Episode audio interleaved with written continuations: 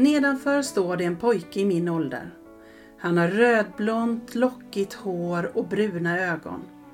Hans skjorta är ljus och hans shorts är mörkblå. Han ser lite genomskinlig ut, som om han inte riktigt är mänsklig.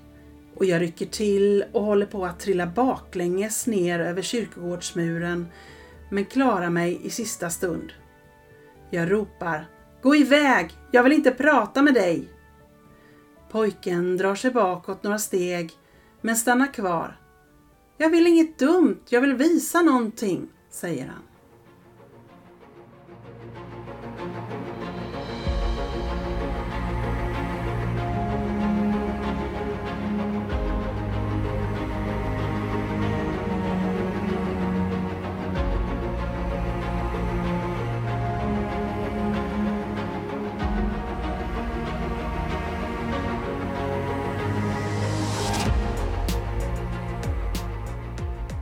Välkomna till vår podd Magiska möten. Här delar vi med oss av våra upplevelser till er lyssnare genom att berätta om spännande och på olika sätt känslomässiga möten som vi genom åren haft med det övernaturliga. Sedan man var liten har man fått lära sig att sanningen endast kan bevisas genom fysisk existens. Men i den här podden släpper vi logiken och låter känslorna och intuitionen leda oss rätt. Vi heter Caroline och Mikaela och ska ta med er på vår resa in i det okända. Nu börjar Magiska möten.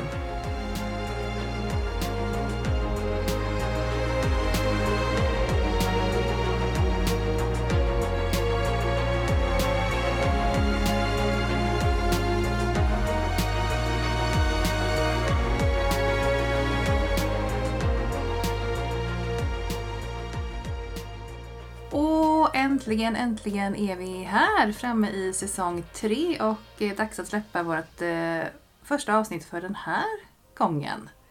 Det är med stor glädje och entusiasm vi ser fram emot en hel höstsäsong tillsammans med er. Ja, och vi har så spännande avsnitt att bjuda på den här. Det har vi alltid tycker vi ju. Men vi har ju många spännande och lite kanske nya vinklar den här gången som vi inte har haft förut. Mm. Vi försöker ju förnya oss lite grann även om temat är detsamma, det okända. Precis. Det finns ju oerhört många vinklar och eh, frågor att prata kring och vi har ju laddat upp under våren och sommaren med väldigt många nya upplevelser, både var och en för sig men också tillsammans. Så att även att vi sitter här nu och spelar in mitt i sommaren så bara vi väntar på att få skriva mer och mer och mer.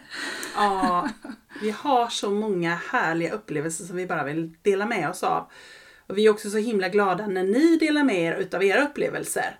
Så det får ni gärna göra och jättegärna kommentera vad ni tycker om avsnitten. Det är många som hör av sig och skriver till oss och det är superroligt och förhoppningsvis så skulle vi kunna på sikt också berätta lite lyssnarhistorier. Det är vår tanke. Ja, verkligen. Det ska bli så härligt den dagen. Men just nu så står vi ju inför att eh, släppa en hel ny säsong här och alltså, ja, jag vet inte var jag ska börja vad spännande grejer vi har att bjuda på.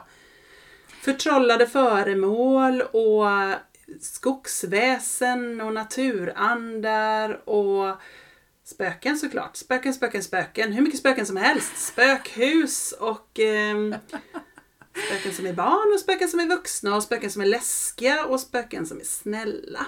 Ja. Vi har alla typer, känns det som. Vi har ju också en del berättelser från, från verkligheten eller från livet. Så om hur eh, andligheten har eh, kunnat finnas med på vägen i olika möten med vardagen och andra människor. Så att det kommer bli som vanligt en hel del mix av eh, det bästa och det som vi vill dela med oss av just här och nu. Så idag tänker vi att vi ska börja och vi kommer att backa tillbaka bandet några år i tiden till din barndom Mikaela. Där du tillbringar somrarna på Österlen hos din farmor. Mm, absolut. Och det, det som är spännande med det här det är ju att du precis har varit på besök och tittat på min, Fått lov att se var den här storyn utspelar sig. ja, Ja. min barndomshus och sånt. Så det är jättespännande. Så att vi har så mycket eh, som vi vill dela med oss av. Men eh, nu ska ni få följa med på mitt avsnitt om kyrkogårdens hemligheter.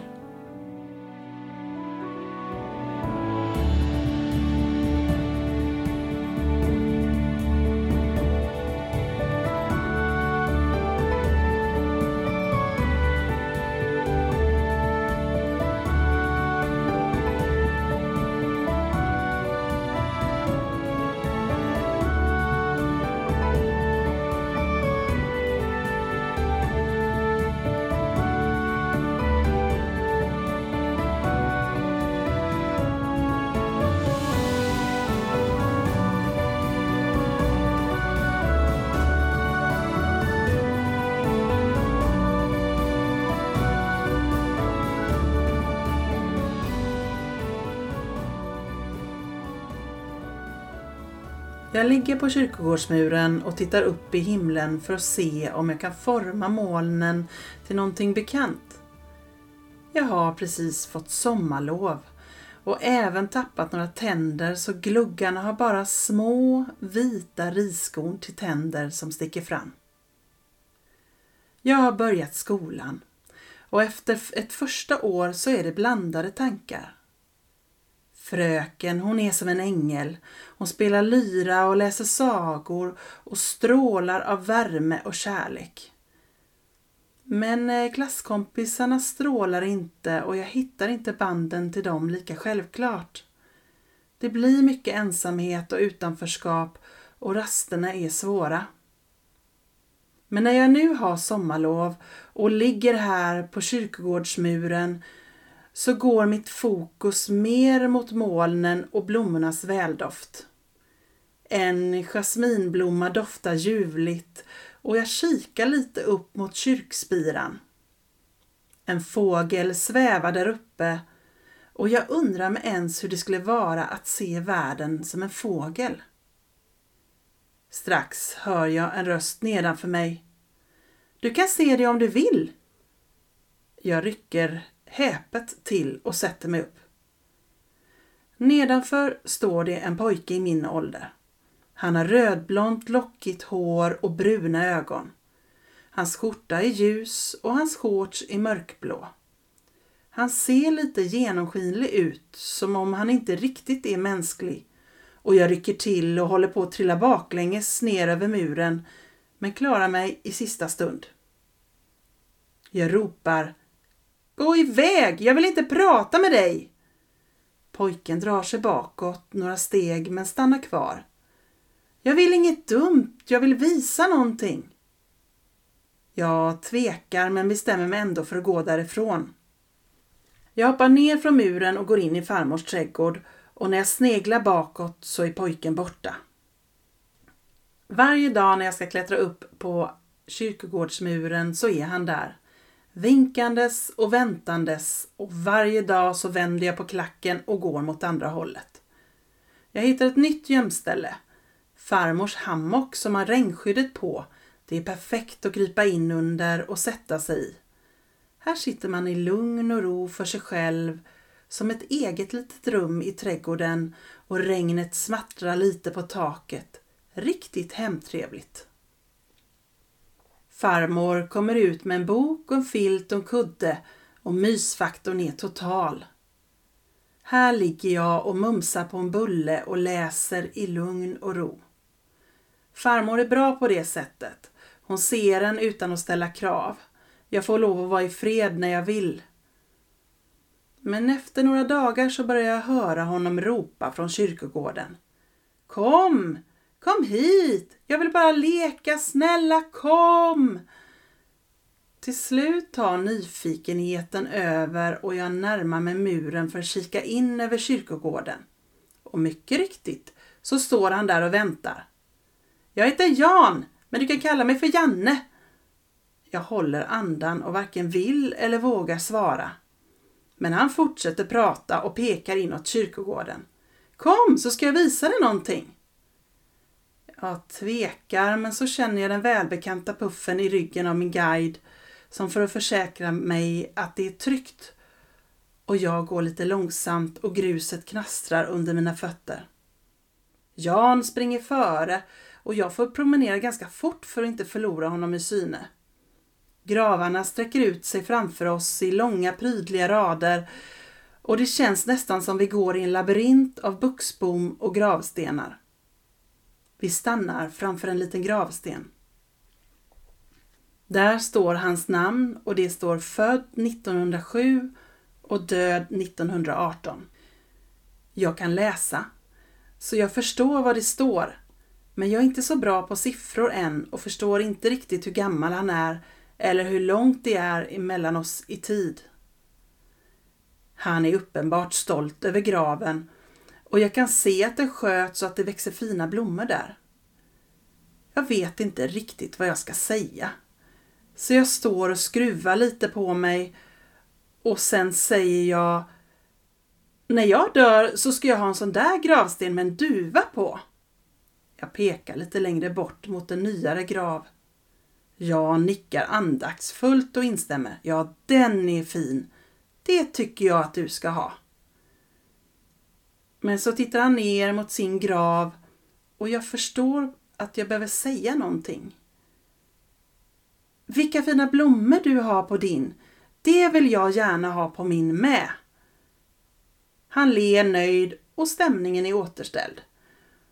Min mor och mina syskon kommer hit och ser till min grav och då brukar jag sitta där borta och titta på dem. Han pekar på kyrkogårdsmuren lite längre bort. Pratar du inte med dem när de kommer hit då? Min fråga får honom att stanna upp och han suckar lite. Nej, de hör mig inte. Varför då? frågar jag. Han tittar lite eftertänksamt på mig. Jag vet inte. Det är bara vissa som gör det. Åh, men vad synd. Hoppas att de kanske kan höra dig nästa gång, säger jag hoppfullt och han nickar lite. Vi går runt på kyrkogården och småpratar lite och tittar på fler gravar och han berättar om dem som han har känt som ligger här. Vi sätter oss på kyrkogårdsmuren igen och jag frågar Hur känns det att vara död? Det känns bra, är hans spontana svar. Varför är du här? frågar jag. Jag är bara här ibland. Jag kan komma hit när jag vill och hälsa på. Men vart är du när du inte är här då? frågar jag. På andra sidan, säger han bara och jag förstår inte riktigt men jag nickar instämmande. Är det bra där med? Det är jättebra där. Men ibland så saknar jag min familj och då vill jag komma hit. Jag nickar och ler. Ja, och så kan du komma hit och leka med mig. Han nickar och vi leker en stund mellan gravarna. Vi ritar i gruset på de välkrattade gångarna och leker gömme, vilket han naturligtvis alltid vinner. Vi ses ofta för att leka och den första rädslan har ersatts med glädje över att ha en lekkamrat. En dag pratar vi om fågeln och han berättar att man kan, även om man lever, sväva över sin kropp och titta ner. Nej, det tror jag inte på, säger jag och skrattar. Men han är allvarlig. Jo, det går och du är en sån som kan det. Det säger de andra som jag träffar på andra sidan. Jag funderar mycket över det där med att sväva över kroppen och frågar min guide Anjalis, hur gör jag? Det kommer tids nog. När du verkligen behöver det så kommer du att kunna göra det. Jag nöjer mig med det svaret, men övar flitigt varje kväll utan någon som helst framgång. Sommarvistelsen hos farmor lider mot sitt slut och jag säger hej då till min nyfunna vän Jan. Och jag säger, du, jag vet att du lurades med det där om att man kan se som fåglar gör uppifrån. Det gick inte att se sin kropp uppifrån och ja, jag tränade massor med gånger. Jag lovar, jag ljuger inte, säger han allvarligt. Ses vi igen? frågar han. Det vet ju du bättre än mig, säger jag. Men jag hoppas det, för du har varit en så fin vän. Och jag vinkar mot kyrkogården och han försvinner bort mot kyrkogårdsmuren innan han helt försvinner i tomma intet. Sommarens lek på kyrkogården kommer för alltid att ha en speciell plats i mitt hjärta. Och jag hoppas att Jan någon gång fick lov att prata med sin familj igen. Vi sågs inte nästkommande somrar. Trots att jag letade efter honom så var han spårlöst borta. Men jag plockade ofta en liten blomma och la på hans grav och tackade för hans fina vänskap och berättade att han hade rätt. Man kan sväva utanför sin kropp. Och ja, jag lyckades till slut.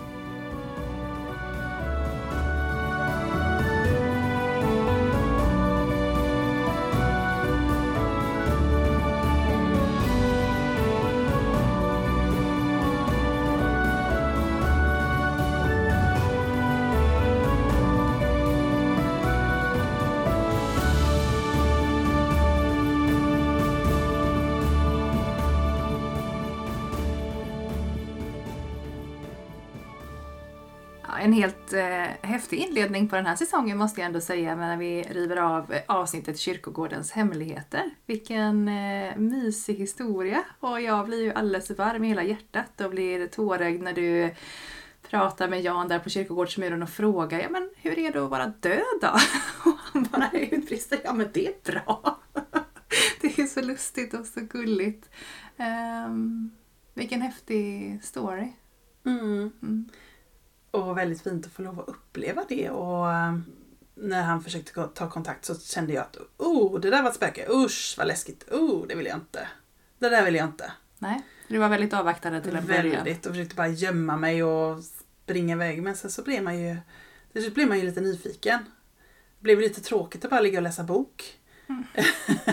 I hammocken hela dagarna. Ja, ja, liksom så. Det gick ju en liten stund så. Och sen blev det ju spännande. Vad är det där och, och så. Mm. Och vad blev det eh, Ja, och efter ett tag så fick jag ju bara släppa på, på spärren och försöka att närma mig närma mig honom och det var jättemysigt. Ja, men jag fick ju den stora förmånen som vi sa tidigare att få lov att besöka den här platsen så sent som igår mm. var vi på den här kyrkogården mm. och jag fick se kyrkogårdsmuren som mm. du beskriver i berättelsen och jag fick också se det huset där din farmor bodde som verkligen ligger precis intill. Mm. Alltså det är inte mer än fem meter från kyrkogårdsmuren till husväggen. Mm. Så att eh, det var ju väldigt, väldigt nära. Så det var inte konstigt att du hörde Jan ropa där inifrån.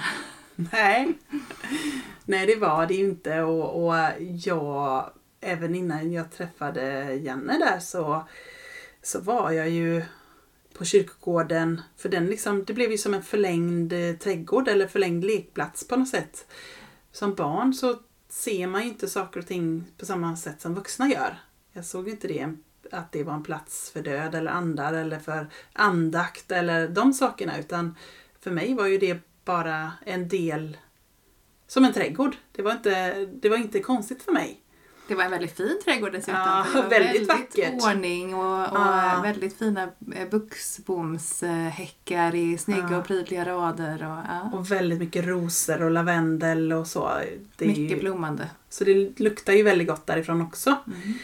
Det blev, och sen så bodde ju min farmor på ena sidan av liksom på ena sidan och sen kommer kyrkan och kyrkogården och sen kommer bodde min faster på andra sidan. Mm. Så det blev ju oftast att man genade över kyrkogården för att gå mellan, mellan husen. Ja, precis. Mm. Liksom. Fick du någon gång kommentarer om att här borde inte du vara som barn och leka Nej, eller springa? Aldrig. Eller vara? Aldrig. Nej. aldrig. Det var aldrig eh, Det här är inte en jättestor kyrkogård heller, den är ganska liten. Ehm, och en liten gullig kyrka till och så. så den var väl inte superväl besökt heller och jag kanske inte var där på de tiderna som andra människor var där. Och sen var jag väl kanske som barn inte heller den som sprang runt och tjoa och skrek och gapa. Så att du störde någon? Så att jag störde utan jag gick väl runt där och filosoferade lite grann och eller satt och lekte i gruset eller typ. Jag var nog inte, jag var nog inte sån där, jag var inte ett sånt barn som hördes så mycket. Nej. Det tror jag inte i alla fall. Det är inte vad jag fått berättat för mig. Så jag tror inte att jag störde någon ändå. Och jag, jag var ju kanske också ibland lite blyg så att jag skulle nog inte bara gå fram till någon främling på kyrkogården och börja prata med den heller. Det är svårt för det är ju så fruktansvärt många år sedan. Så min, man minns ju bara glimtar från sin barndom, man minns ju inte alla saker. Nej. Men jag minns aldrig att någon sa till mig eller att någon var otrevlig utan snarare att någon liksom sa något rart till en eller hälsade på en eller Mm. så.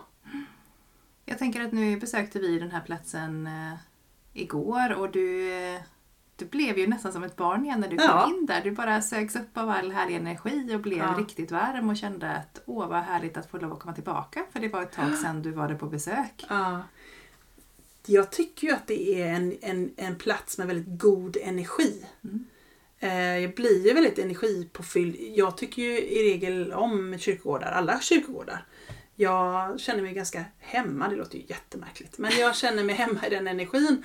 eh, Och känner att det känns bra för mig Mm. att vandra på kyrkogårdar. Jag tycker att det är skönt. Jag har ofta bott nära kyrkogårdar och eh, för mig är det ett tecken på att, att jag får lite frid och lite lugn och ro. Jag har Eh, också bott ganska nära en kyrkogård under många år, eller under hela min uppväxt och jag har aldrig haft ont av det. Den har legat i gränslandet med våran gård och med där jag vuxit upp alltid och jag har inte heller haft den känslan av obehag men jag möter ju många människor som har det. Ja. Som tycker att kyrkogårdar och kyrkor är bland det jobbigaste att beträda för att det är en stämning som de tycker känns på ett helt annat sätt än den du beskriver. Mm. Och det kan jag förstå också och jag tänker en del har ju också känslan utav kristendomens eh, lite liksom, mörkare sidor liksom, där man var tvungen och, och det var skam och synd och straff och många av de delarna som, liksom, som påverkar en i ens känsla inför kyrkor och kyrkogårdar och det religiösa kring det.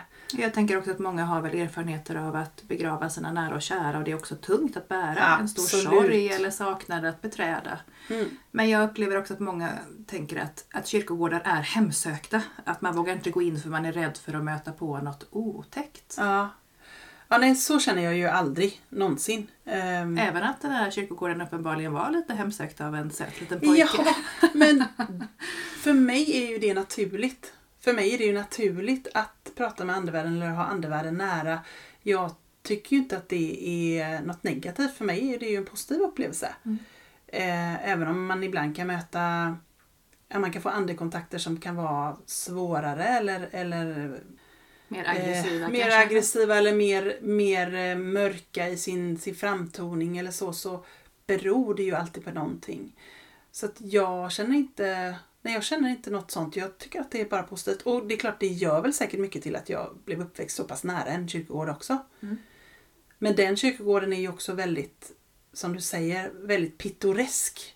Väldigt gulligt med välklippta buxbomshäckar överallt och litet och mysigt och gemytligt och Och välskött tänker jag. Ja. Att de som har sina anhöriga begravda där tar hand om ja, av gravarna och det var mycket, ja, men jag har aldrig sett så många stora rosbuskar Nej, bara på, på jättemycket. väldoftande rosor och det är väldoftande brudslöja och alltså allt doftar ju gott där inne. Mm. Och är eh, som du säger välskött och välkrattade gångar och så. Det är ju en, och så är den ju så liten och mysig. Liksom. Och det tror jag också gör sitt till till stämningen. Att det sköts och att det känns bra. Och runt omkring kyrkogården från alla håll låg det ju verkligen, förutom på ett litet ställe där vägen gick förbi, så Mm. låg det ju hus med trädgårdarna ända in till muren. Ja, precis. Så att det var ju även utanför kyrkogårdsmuren väldigt ombonat och hemtrevligt. Mm. Så, så är det ju. Det är en liten by. Nej, så jag har ju jättepositiva upplevelser från alla kyrkogårdar jag är på eller har varit på eller gått i eller även från kyrkor. Även om jag tycker att kyrkor kan ha lite olika karaktär. Det kan jag tycka. Men generellt sett så tycker jag att det är en ljus och positiv plats. Mm. Där jag får frid och lugn och ro. Jag mediterar gärna på en kyrkogård. Tycker det är jättebehagligt. Och kanske är det ju så även om man går dit för att sköta en anhörigs grav att man tar sig en tun- stund i stillhet eller man pratar med sina anhöriga. Eller... Så någonstans är det ju en, en plats, tycker jag, för lite lugn och ro. Även om jag i det här avsnittet använder den som en lekplats så är det ju ett barns sätt att, ehm, att hitta fokus och, och må bra.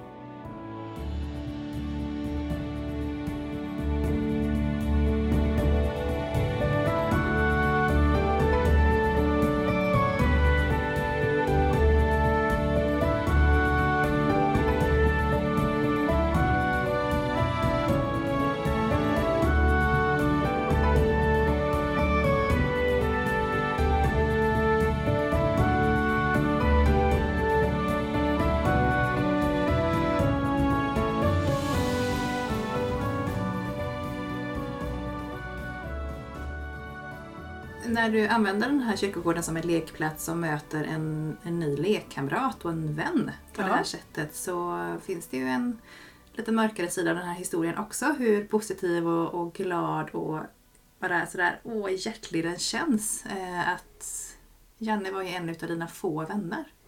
Mm. Så var det ju.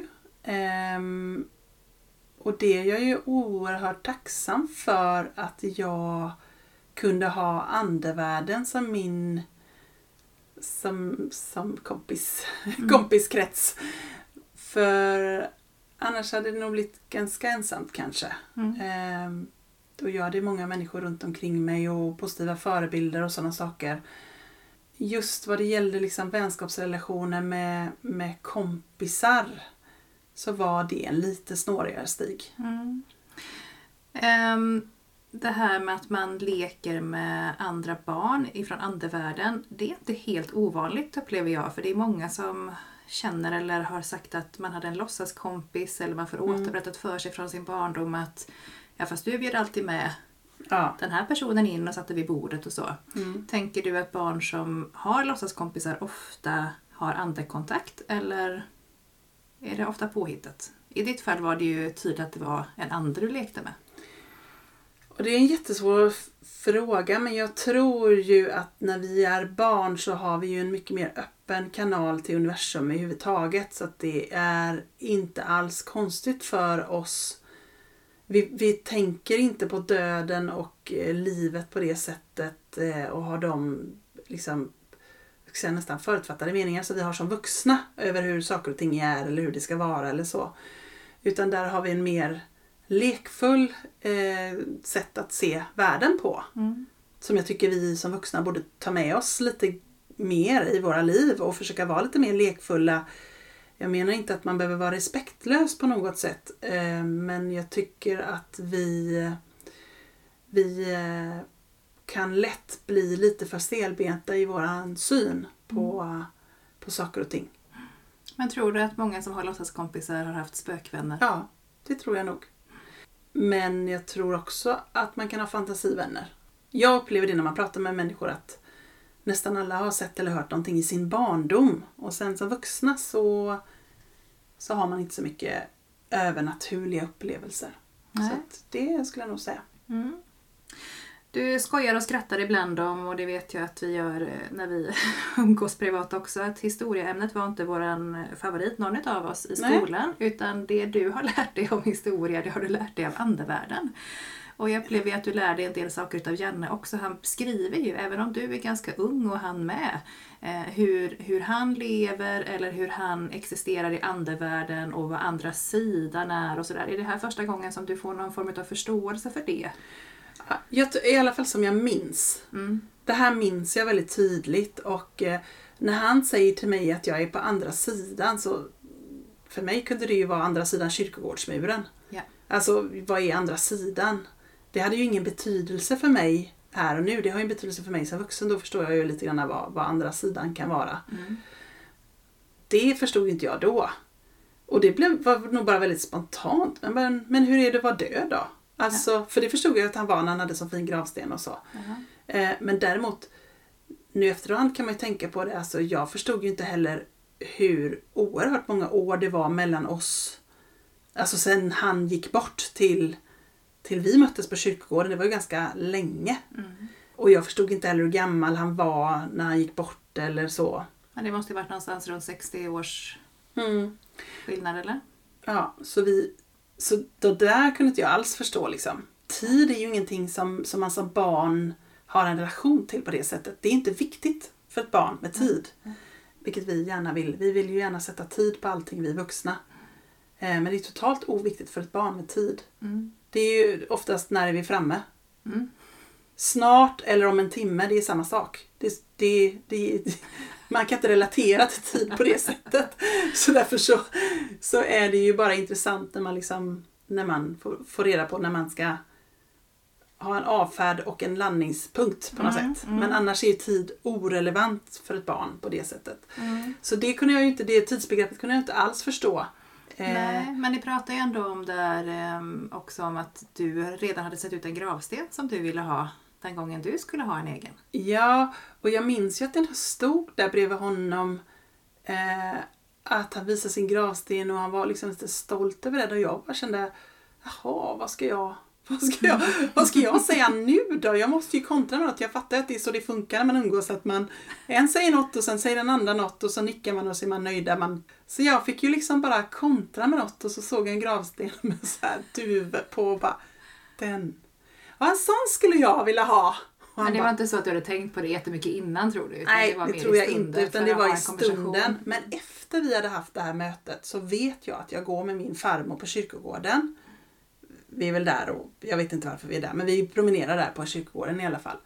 Och då säger jag, åh en sån, en sån eh, liksom, sten vill jag ha, en sån. Så Och till slut så säger hon till mig, nu får du sluta, det är obehagligt när du pratar sådär. Ja. och då, åh en sån skulle du ha och så här, jag liksom hela tiden pratar om döden. För det blev ju så naturligt för mig. Ja. Jag förstod ju inte det obehagliga i det på samma sätt som en vuxen människa gör. Nej, det är klart att det var. Hon kände väl liksom att där gick jag nästan önska livet upp både henne och mig och det var ju inte så trevligt gjort. Men det var ju mer för att det hade varit ert samtalsämne mellan ja. dig och Janne då. Så då mm. kände jag att ja, men det är så här man konverserar när man går här på kyrkogården. Det känns naturligt. Vi pratar om vilka gravstenar vi vill ha. Ja. Men eh, det var väl inte riktigt, eh, föll väl inte helt i god jord. Men står du fast idag då om du skulle behöva välja en gravsten? Till, nej, till kommer, någon i din närhet? Skulle nej, jag se ut så? kommer ju inte ha någon gravsten så att det, det känns inte alls viktigt. Jag har ju valt en annan väg för mig. Mm. Men när jag var liten och kommunicerade med andra på, på kyrkogården, då var ju det viktigt. Ja. För för de andra var ju det viktigt, så mm. därför så blev ju det en sån mm. grej. Och ganska länge upp i åldrarna så höll jag fast vid den här tanken om att eh, det är viktigt att ha en gravsten. Mm. Men det handlade ju jättemycket om de andarna jag träffade som, som också tyckte att det var viktigt. Att, så var det ju för att man hade en gravsten och det är ju de, de som anhöriga ska ha någonstans att gå. Men då bodde man ju också kvar i samma by allihopa. Mm. Det är skillnad nu när man liksom flyger och far över hela världen och, och vem ska sköta den gravstenen när ingen bor kvar och alltså så. Det, det kommer en liksom del praktiska tankar kring det mm. som jag inte hade som barn. Nej. I min andekontakt med 1900-talets början. så vi hade ett annat samhälle liksom. Än... Men det var det finaste jag kunde tänka mig när jag var liten. Att man hade duvor på. Det var vackert. Mm, mm. det var vackert. och mycket fina blommor. Såklart. Så att skulle jag ha en gravsten så får det väl bli en sån med duvor och blommor. Och, och så fanns det en med en bok också som jag tyckte var väldigt vacker. Liksom, livets bok eller dödens bok eller vad det representerar, jag vet inte. Men det tyckte jag var väldigt vackert. Så det var väl lite makabert. På tal om makabert så känns det som att du verkligen har levt nära döden från det att du var liten. Mm. Och det gör ju också att jag har en kanske annan syn på döden än vad gemene man har eller så. Jag ser ju inte döden som slutet och jag, jag tror ju också på reinkarnation så jag tänker ju inte att det är sista anhalten och jag tänker att vi ses igen och för min del är det ju så att de personerna som jag har förlorat i mitt liv kan jag ju ofta möta igen. Mm. Så jag tänker ju mer på återseende än, än att jag tänker att nu ses vi aldrig mer igen. Däremot kan jag känna en oerhörd saknad efter personen. Alltså när den försvinner ur ens liv så bildar den ju ett tomrum efter sig. Det kan jag ju vara ledsen för att känna den saknaden. Men jag tror kanske att det går över lite fortare för mig eftersom jag har den världsbilden som jag har med mig i mitt bagage. Det är lite någon form av tröst att du vet ja. att det här är inte slutet. Även Nej. om det är slutet just nu i våra relation i det här livet. Så... Ja, så vet jag att vi kan ändå ha kontakt eller så. Nu till exempel min pappa har ju gått bort men det är ju inte så att jag bjuder in honom till frukostbordet varje dag och sitter och små chitchattar med honom även om jag liksom skulle kunna det så att säga. Utan jag känner att vi, vi har haft några stunder där vi har mötts eh, efter han har gått bort. Och det räcker för mig. Jag är nöjd med att jag vet ju att han har det bra. Mm. Eh, och att han har andra saker han behöver göra nu när han inte har sin kropp med sig. Mm. Där, där har vi ju upplever jag att du kanske har en liten annan syn på det än vad alla andra har. Mm. Eller många andra ska jag säga. Mm. Precis.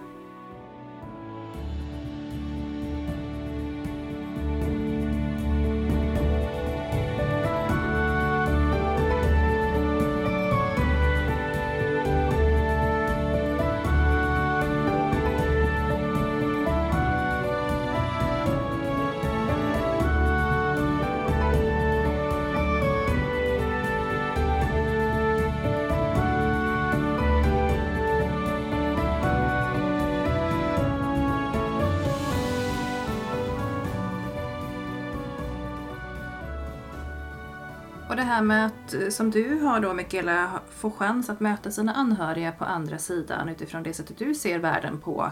Så i berättelsen så beskriver du ju också hur Janne sitter på kyrkogårdsmuren och tittar på sin mamma och sina syskon som kommer och sköter om hans grav och att han har svårt att nå fram till dem. För du frågar ju honom, men varför går du inte fram och pratar med dem? Och då menar han på att alla hör mig inte. Nej, och så är det ju. Alla har väl inte den förmågan att kommunicera med, med avlidna. Och det var ju också något som jag inte förstod som barn. För mig var det självklart, men varför pratar du inte med dem? Du pratar ju med mig. Jag tänkte ju aldrig den tanken att, att det var någonting speciellt i vårt möte utan jag tänkte att han pratar väl med alla som kommer förbi här. Så det vet jag att jag tyckte var lite sorgligt att inte han kunde prata med sin familj, att han satt och tittade på dem och de inte såg honom. Nej. Om du hade varit lite äldre, tror du att du hade försökt att komma igenom och hjälpa honom att få kontakt? Ja, det tror jag nog att jag hade gjort. Men sen var jag också kanske Ja, nu blev jag inte så rädd för Janne, men jag var ju lite rädd och jag tyckte det var lite läskigt det där med kontakten med... Sen måste jag säga att jag var ju alldeles för ung för att liksom förmedla ett budskap till en sörjande familj. Mm. Eller liksom så. Mm. Det, det hade ju inte blivit så bra, tänker jag. Så det hade varit inte så bra att jag gjorde det i så ung ålder. Nej. Men det, jag tyckte att det var sorgligt. Jag kommer ihåg det. Att jag bara kände att nej, men stackars dig. Ja, de ser det inte. Nej, men jag vet ju att du också berättat att i vissa situationer du är i så kommer det ju fram andar till dig ja. som vill förmedla ett budskap till någon människa som du sitter in till på ett café till ja. exempel eller vill få kontakt med men då mm. är du ganska noga att nej men jag går inte bara fram till vem som helst hur som helst och lämnar budskap från andevärlden för det, det är inte så du jobbar. Det är inte så jag jobbar och här är vi ju olika för det finns ju medier som jobbar så. Men jag jobbar på uppdrag för att ehm, för det första så kan jag ju jobba dygnet runt om jag ska eh, hålla på så. Mm. Eh, och det orkar jag inte, då kör jag slut på mig själv. För det andra så är det ju också så att jag upplever att när man väl har tagit det beslutet att man vill gå till ett medium för att man vill antingen träffa någon nära och kär eller man vill ha budskap om sin framtid eller så här, då har man ju tagit ett aktivt beslut. Då söker man upp någon och man bara, nej men nu vill jag veta det här eller jag vill, jag vill få stöttning i mitt liv eller så. Jag tror ju på den fria viljan. Jag tycker att den är otroligt viktig. Så för mig i mitt mediumskap så är det inte... Men det här är bara ytterst personligt. Jag vill inte liksom trampa någon annan på tårna här. Men för mig blir det inte riktigt professionellt. Men det är för mig. Om andra gör så så är det upp till dem. Men det är liksom som jag ser på det. Det... Du tränger dig inte på någon som inte nej, har bett om det? Nej, det har hänt några gånger att jag har gjort det. Med blandat resultat ska jag säga. Mm. Ibland har det blivit jättebra, ibland har det inte gjort det. Framförallt när jag var lite yngre då. Mm. När jag hade lite svårt för den här gränsen med vad som är vad. Sen är det också så att det tar ju energi utav mig att göra de här sakerna. Det är ju inte någonting som jag gör liksom bara sådär hur som haver. Även om jag har det väldigt fritt flödande i mitt liv så är det ju någonting som tar energi från mig. Och det tar ju energi från något annat som jag gör. Sitter jag och fikar med, med min familj så ska jag springa och resa mig var femte minut och springa iväg och ge ett budskap från en ande som kommer in så, så missar jag ju viktig tid med min familj. Mm. Och det är ju också så att för mig är det här ett arbete och det gör ju att man behöver få betalt för sitt arbete. Eh, för den tiden man lägger ner. Så att man kan ju inte gå fram till någon och säga du jag har budskap från din döda farmor, det kostar eh, så här mycket. Nej men liksom, det blir ju inte så bra. Det känns inte, för mig känns inte det riktigt bra. Eh, sen, sen har jag under många, många, många år förmedlat allting liksom, utan att ta några pengar för det eller överhuvudtaget. Alltså så, för att det tycker jag är en del i processen. Mm. Men nu för tiden så behöver jag liksom vara noga med min tid och eh, den energin som jag har. För att det ska bli bra möten med de som kommer. Mm. Och så. Precis. Men om vi återkopplar lite grann till Janne och din sommar. För mm. visst var det bara en sommar och varför ja. blev det aldrig fler? Eh, det kan man ju fundera på. Just då när jag var liten så tänkte jag att det var jättekonstigt. Han som brukar sitta här på kyrkogårdsmuren. Eh, det var väl så att han var på väg på något annat. Tänker jag. Mm. Nu i efterhand kan jag tänka så. Att han eh, om det är nu så att man anammar den här tanken om, om att vi har flera liv, att vi reinkarneras, så har hans själ gått vidare till nästa liv, tänker jag. För det tror jag vi har pratat om i några tidigare avsnitt, eh, redan i första säsongen, om att ungefärlig reinkarnationscykel är runt 70 år. Och då hade det Mm. stämt ganska väl överens utifrån när han gick bort och Mm. hur lång tid som hade förflutit tills när du träffade honom. Mm, absolut. Eh, så är det ju. Men, men det där är ju väldigt individuellt tänker jag. Mm. Men eh, man brukar säga runt där att det brukar vara en sån. Och då skulle det kunna vara en relativt logisk förklaring till varför han dök Skulle upp det den kunna vara. sommaren men sen att ni inte har träffats sen. Är Ja. det i det sammanhanget? Det tänker jag. Jag är väldigt tacksam för den, den sommaren vi fick tillsammans. Eller det var ju bara mm, några veckor liksom, så det var inte en jättelång period. Men jag är jättetacksam för det för att det fick ju också mig att eh, känna att det inte var så läskigt saker och ting. Mm. Eh, jag hade mycket upplevelser med, med barn som hade gått bort när jag var liten och det var ju för att det var tryggare att närma sig det än att närma sig en, en vuxen som hade gått bort. Det var ju lite mer obehagligt. Det som han också berättade för dig, som han var helt övertygad om att du kunde, men som du tränade på men inte lyckades med då, i den unga Mm. åldern, det var ju att få en utanför kroppen-upplevelse. Att faktiskt Mm. lämna sin fysiska kropp för en stund och kunna se den ungefär som ur ett fågelperspektiv, svävandes ovanför. Lyckades du till slut? Det gjorde jag ju till slut, eh, lite senare. Men eh, just då, jag kom ihåg att jag låg ju hemma i sängen på kvällarna och bara För jag ska minsann visa Janne liksom så här. Jag ville ju liksom, för jag var ju lite stolt över det när han sa att det kan du. Och jag bara, ja, okej jag ska träna nu här. Jag vet att jag låg där och bara Tänk nu att du hoppar upp och tittar från taket istället. Du vet, jag försökte ju på alla möjliga, jag försökte fråga min guide Hur gör man? Hur ska jag, hur ska jag göra? Så här, och, jag, och han bara, det kommer, det är bara ta det lugnt. Liksom. Jag var ju inte alls redo för det just då. Men det var ju väldigt, eh, nej han var ju helt övertygad om att det kunde jag. Mm. Och jag bara, nej det kan jag inte. Men sen ett par somrar senare så kunde jag ju det. Mm. Så då gick jag ju till hans grav och sa det och jag vet ju inte alls om han hörde mig eller uppfattade det men det var ändå viktigt att säga det att du hade rätt. Ja. Du hade rätt Janne. Du var inte bara jättebra på att gömma dig på kyrkogården så jag aldrig hittade dig för du var ju osynlig. Men,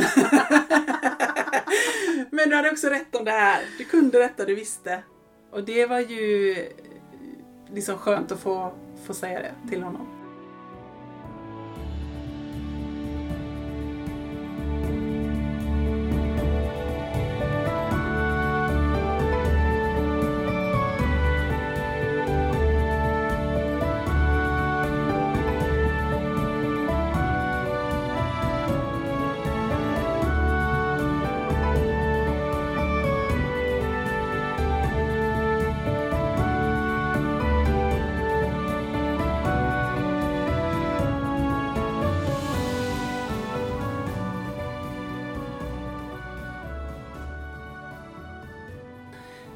Men det vanligaste som jag tycker man hör om det här, det är inte ut ur kroppen upplevelse som vi pratar om, utan det är ju NDU, nära döden upplevelse.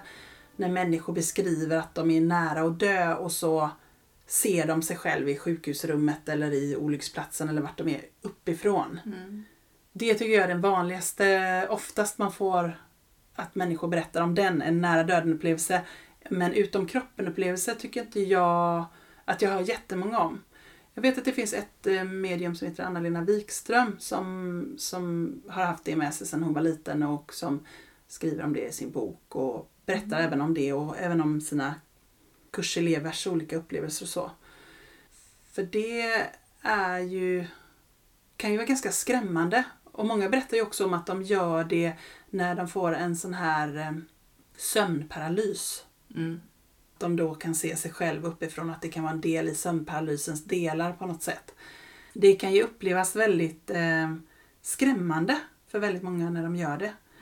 Tycker kanske inte att det är det vanligaste man hör om att människor pratar om heller. Nej. Det är vanligare med en nära döden upplevelse att man hör om det. Men jag tänker att om din första gång där du lämnade din egen kropp och såg dig själv uppifrån var i ett trauma, har du kunnat göra det när du själv har bestämt dig för att nu Ja. ska jag ta Ja. och se med ett annat perspektiv? Hur var det? Då var det bara sådär en vanlig, en helt vanlig dag. och jag låg i sängen på kvällen och ehm, hade liksom haft de här upplevelserna och kände att nej men vad är det här för någonting? Jag blev liksom nyfiken. Och jag hade liksom det här ringandes i öronen lite grann. Eh, Jannes ord att eh, det där kan du. Och jag hade ju hållit på att träna lite grann innan. Försökt att försökt göra det. Det var liksom ingenting jag slutade med även när jag åkte hem från sommaren utan jag försökte lite grann. Så att efter jag hade gjort det första gången spontant sådär eller bara det bara hände så försökte jag liksom lära mig kontrollera det lite grann. Så då tränade jag lite grann på kvällarna när jag skulle gå och lägga mig. Mm. Precis som en del mediterar eller lyssnar på någon avslappning eller vad man kan göra så, så tränade jag lite grann på det och eh, det började med att jag bara kunde, kunde liksom lätta lite granna, bara typ någon meter ovanför kroppen. Och då blev jag lite så här, är det hela kroppen som följer med nu? Lite den känslan. Jag kände mig inte så lätt då när jag var så pass nära min kropp. Men sen när jag kunde sväva upp lite högre liksom, och vara uppe i rummet och titta ner på mig själv och titta runt i rummet och jag kunde liksom gå ut ur rummet och in i nästa rum med min själ eller min ande eller vad man nu vill kalla det. Men sen blev jag, jag kommer jättetydligt ihåg det för att första gången det hände så re, reflekterade jag inte över det men när jag liksom tränade så här och fick till mig några gånger då blev jag jätterädd när jag hade lämnat rummet. Okej. Okay. För jag tänkte, vad händer? Helt plötsligt fick jag den tanken, vad händer om jag inte kan komma tillbaka? Mm. Blir jag fast här nu? Så då blev jag jätterädd, så blev jag så rädd så bunk så var jag nere i kroppen igen. så det var ju bra. Ja. Och då blev jag lite rädd för att göra det så då vet jag att jag fick jag fråga min guide, fick jag fråga liksom att men, men är det här farligt? För jag fick nästan den känslan av att det här var farligt, att jag höll på med någonting som man inte får göra. Mm. Och då sa han, nej det är inte farligt. Liksom. Det är bara vissa har, vissa har lätt för att, för att lämna sin kropp så. Det är inget, det är inget farligt. Det, det kan man göra. För jag blev lite, för jag, jag kände det som att, som att vi hade en liten, liten tunn, som en silvertråd som, som liksom kopplade oss till kroppen som var ankaret i kroppen på något sätt. Mm. Och jag svävade upp liksom längs den silvertråden. Och jag blev så rädd att den kunde gå av. Just det. Och det vet jag för att jag har haft en sån liksom, eh, NDU, en nära döden upplevelse. Och det var också min tanke då att går tråden av nu, är det då jag dör? Klipper de av den när jag dör? Liksom, att jag, vet, jag vet, jag tänkte det i det ögonblicket när jag svävade upp. Liksom. Mm. Eh, så jag var den här tråden var jag väldigt bekymrad över, väldigt orolig över och liksom kan den följa med? Kan den fastna i en dörröppning? Och sådana saker. Oj, alltså jag ja. hade många sådana där tankar kring, nästan lite tvångstankar, ja. kring eh, hur, om jag går genom taket, kan, den, kan tråden fastna på en spik? Eller alltså du vet, ja, lite sådana känslor. Mm. Så jag blev lite rädd för det också. Det var lite överväldigande och lite, lite obehagligt. Mm. Eh, sådär. Eh, det var lite skräckblandad förtjusning, mm. den känslan. Mm. Lite Liseberg. Jag kan eh, men jag kanske inte borde. Ja, eller lite så. Eller, eller vad händer sen? Ja. Hur långt kan jag, kan jag åka till Afrika? Alltså, och vad ska jag med det här till? Lite mm. så också. Mm. mm. Det här är ju ingenting jag kan berätta när jag, när jag sparkar boll på fotbollsplan. Att by the way, jag är skitbra på att lämna kroppen ska ni veta. så jag förstod inte riktigt när jag skulle använda det och jag kan inte säga att jag vet här och nu heller riktigt. Nej. När man ska använda det mer i trauma eller så. Men annars så vet jag inte riktigt eh, vad jag egentligen har för jättenytta utav det. Nej. Mer än som medium då, att jag kan resa på tidslinjen och jag kan se saker och ting och så. Mm. Men det gör jag oftast inte med att jag lämnar kroppen liksom. Utan det gör jag ju ändå. Ja, jättespännande när du sitter och berättar. Jag bara helt fascinerad och tänker att det är väldigt långt ifrån upplevelser jag har haft hittills. Eh, men jag förstår ju också den här känslan ibland när man upplever någonting nytt eller spektakulärt som man inte har varit med om innan. att man blir ibland lite orolig för vad ska hända, hur ska det gå? Och jag mm. tänker om du också har upplevt det i en nära döden upplevelse. Mm. Hur nära är jag faktiskt att gå över och vad händer då? Men har du fått några svar kring det som du upplever då är en silvertråd som binder dig och kroppen eller din själ och din kropp samman?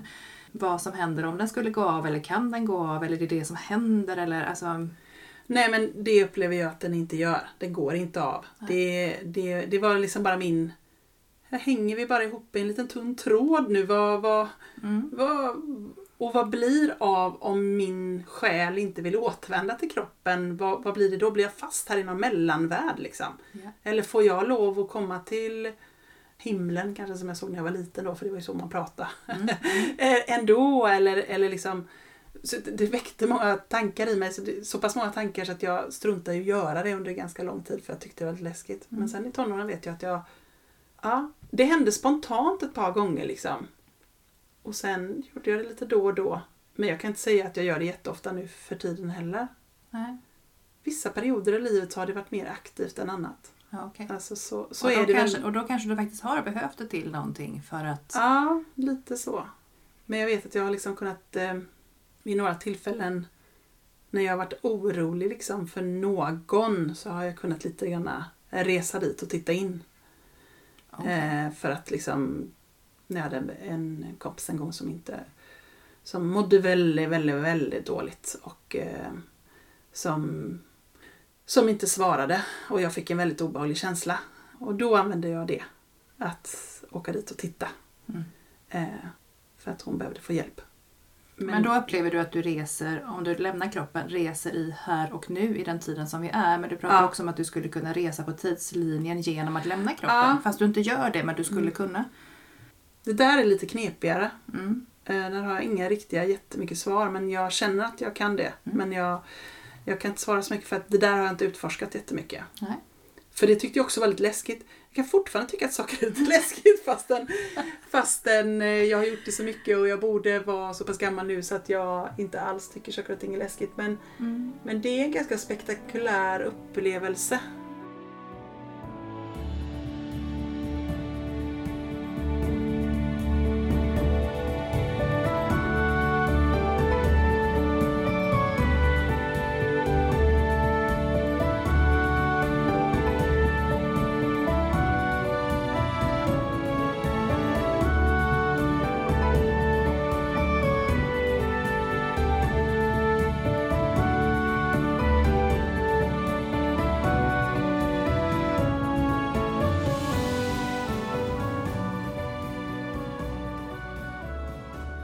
Men det är inte helt ovanligt heller tänker jag just det här med NDU.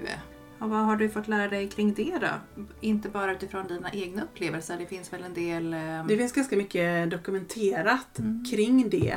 Och eh, nära döden-upplevelse är ju någonting som väldigt många berättar när de kommer tillbaka. Eh, alltså när de har blivit liksom så nära att dö så att själen på något vis har lämnat kroppen, de ser sig själv uppifrån och sen kanske de har någon typ av upplevelse. Att de känner att de går en ljusportal eller att de blir omgiven utav godhet eller kärlek eller så.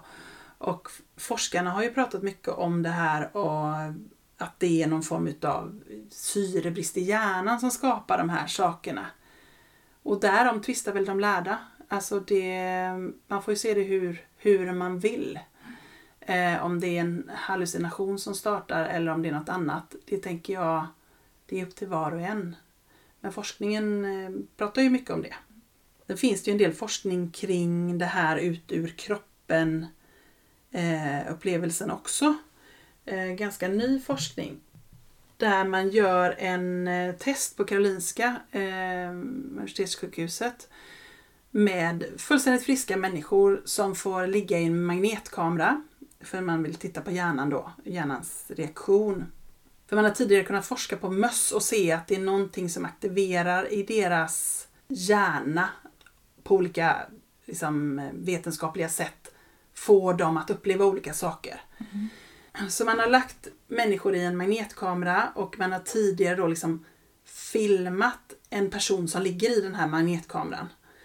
Och sen har de fått på sig ett par sådana här VR-glasögon. Och sen har man liksom spelat upp som den filmen i deras VR-utrustning. Så att de ser sig själv uppifrån. De har liksom filmat uppifrån då. Så de ser sig själv uppifrån. Och hur hjärnan reagerar på det. Vad som händer. Eh, vilka olika delar i hjärnan som reagerar på det här när man rent artificiellt lämnar kroppen. Att man har liksom försökt återskapa det Mm. som en ut ur kroppen upplevelse. Och det är 2015 de gjorde det här så det är inte jättelänge sedan. Nej.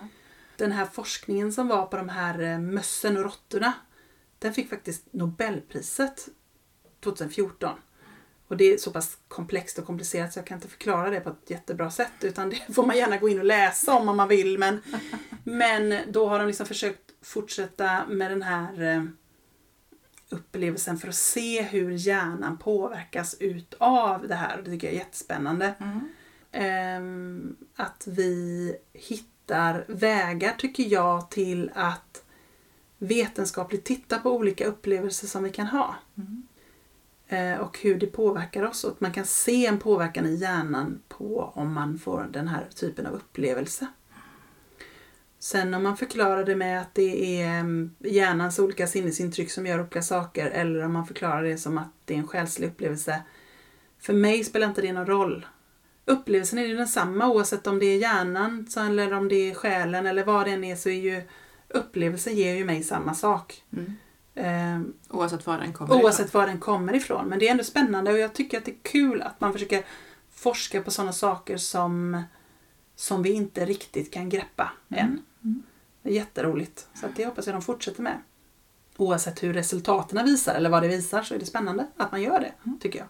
Och jag tycker också den här forskningen med NDU, nära döden-upplevelse, att man, att man har konstaterat att människor som dör, alltså som inte bara har en nära döden-upplevelse utan verkligen avlider, att själen tydligen väger 21 gram. Mm. Att kroppen blir 21 gram lättare eh, i dödsögonblicket. Det är någonting som är lite spännande tycker jag. Mm. Så någonting är det ju inom oss som... Eh, som det, så det hade varit spännande om man, om man hade gjort en sån ut ur kroppen upplevelse och sett om man blir man några, några gram lättare. Eller är det något annat? Du har ju din forskningsfråga klar. Det är bara Ja, att gå in och börja jobba. Jajamän! Jag kan väga dig och så kan du, kan du ut och sväva. Gött, det gör vi eftermiddag då. Jag ligger på en våg och så gör vi det. Så ser vi om vi lyckas. Om tesen lyckas. Japp. Det kan inte vara så svårt. Nej, absolut. Det löser vi. Eh, Vi får återkoppla i nästa avsnitt. Precis. Kan se om vi får lite fler att väga också så vi får liksom en studie utav det. En person är inte godkänd tror jag inte. Jag funderar mer på hur vi ska bygga vågen, men eh, Ja, den är också klurig. I liggläge får det vara eller? Ja. Ja, Det är spännande. Men det är spännande frågor och jag Ja. tycker att det är härligt att vi även rent vetenskapligt försöker närma oss saker och ting som väldigt länge har varit en gåta. Och som Eh. också har varit, eh, inte bara en gåta utan mer, det finns inte. För så länge vi inte kan ha en fysisk förklaring på det så finns det inte riktigt. Lite så. Eh, Så jag tycker att det är jättespännande att man gör det och väldigt roligt att eh, få ta del av den typen utav forskning eller tankar eller alltså hur kommer man på tanken att ens göra den här typen av forskning? Det är mycket som, som väcker tankar i mig kring det här som, Mm. och jag tycker att det bara är positivt. Det gör ingenting om vi vetenskapligt förklarar saker och ting mer. Eftersom det är tydligen det som krävs för att väldigt många ska våga, våga tro på någonting. Och det är viktigt att tro på någonting oavsett vad man tror. på.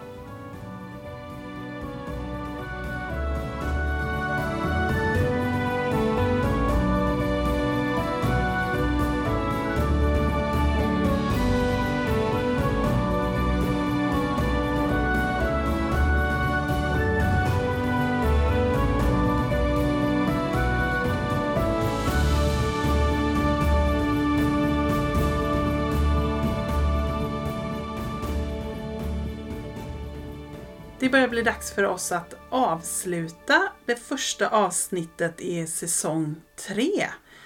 Och vi är så glada för att ni har velat eh, följa oss och lyssna på oss och följa med på mitt lilla äventyr på kyrkogården med Janne och min lilla sommar efter första året i skolan. Vi eh, kan väl summera lite grann att dagens avsnitt så har vi pratat om ut ur kroppen upplevelse, om nära döden upplevelse och om vad som händer när man dör. Enligt Janne. Enligt Janne. Och, eh, och hur det är att vara död också enligt Janne. Det är jättebra! På andra Eh, sidan.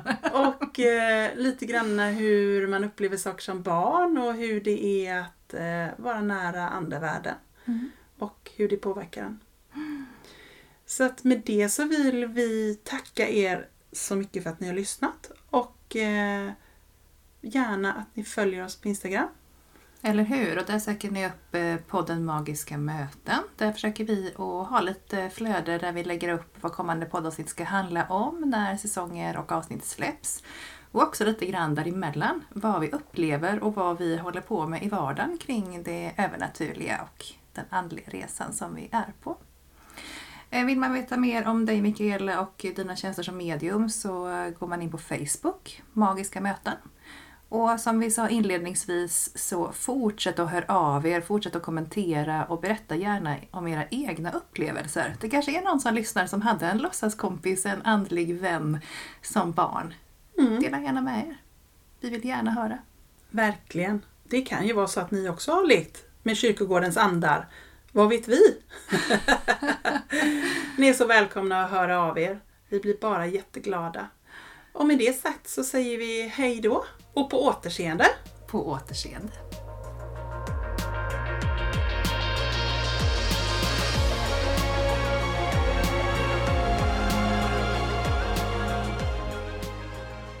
Sedan man var liten har man fått lära sig att sanningen endast kan bevisas genom fysisk existens. Men i den här podden släpper vi logiken och låter känslorna och intuitionen leda oss rätt. Tack för att ni har lyssnat på Magiska möten.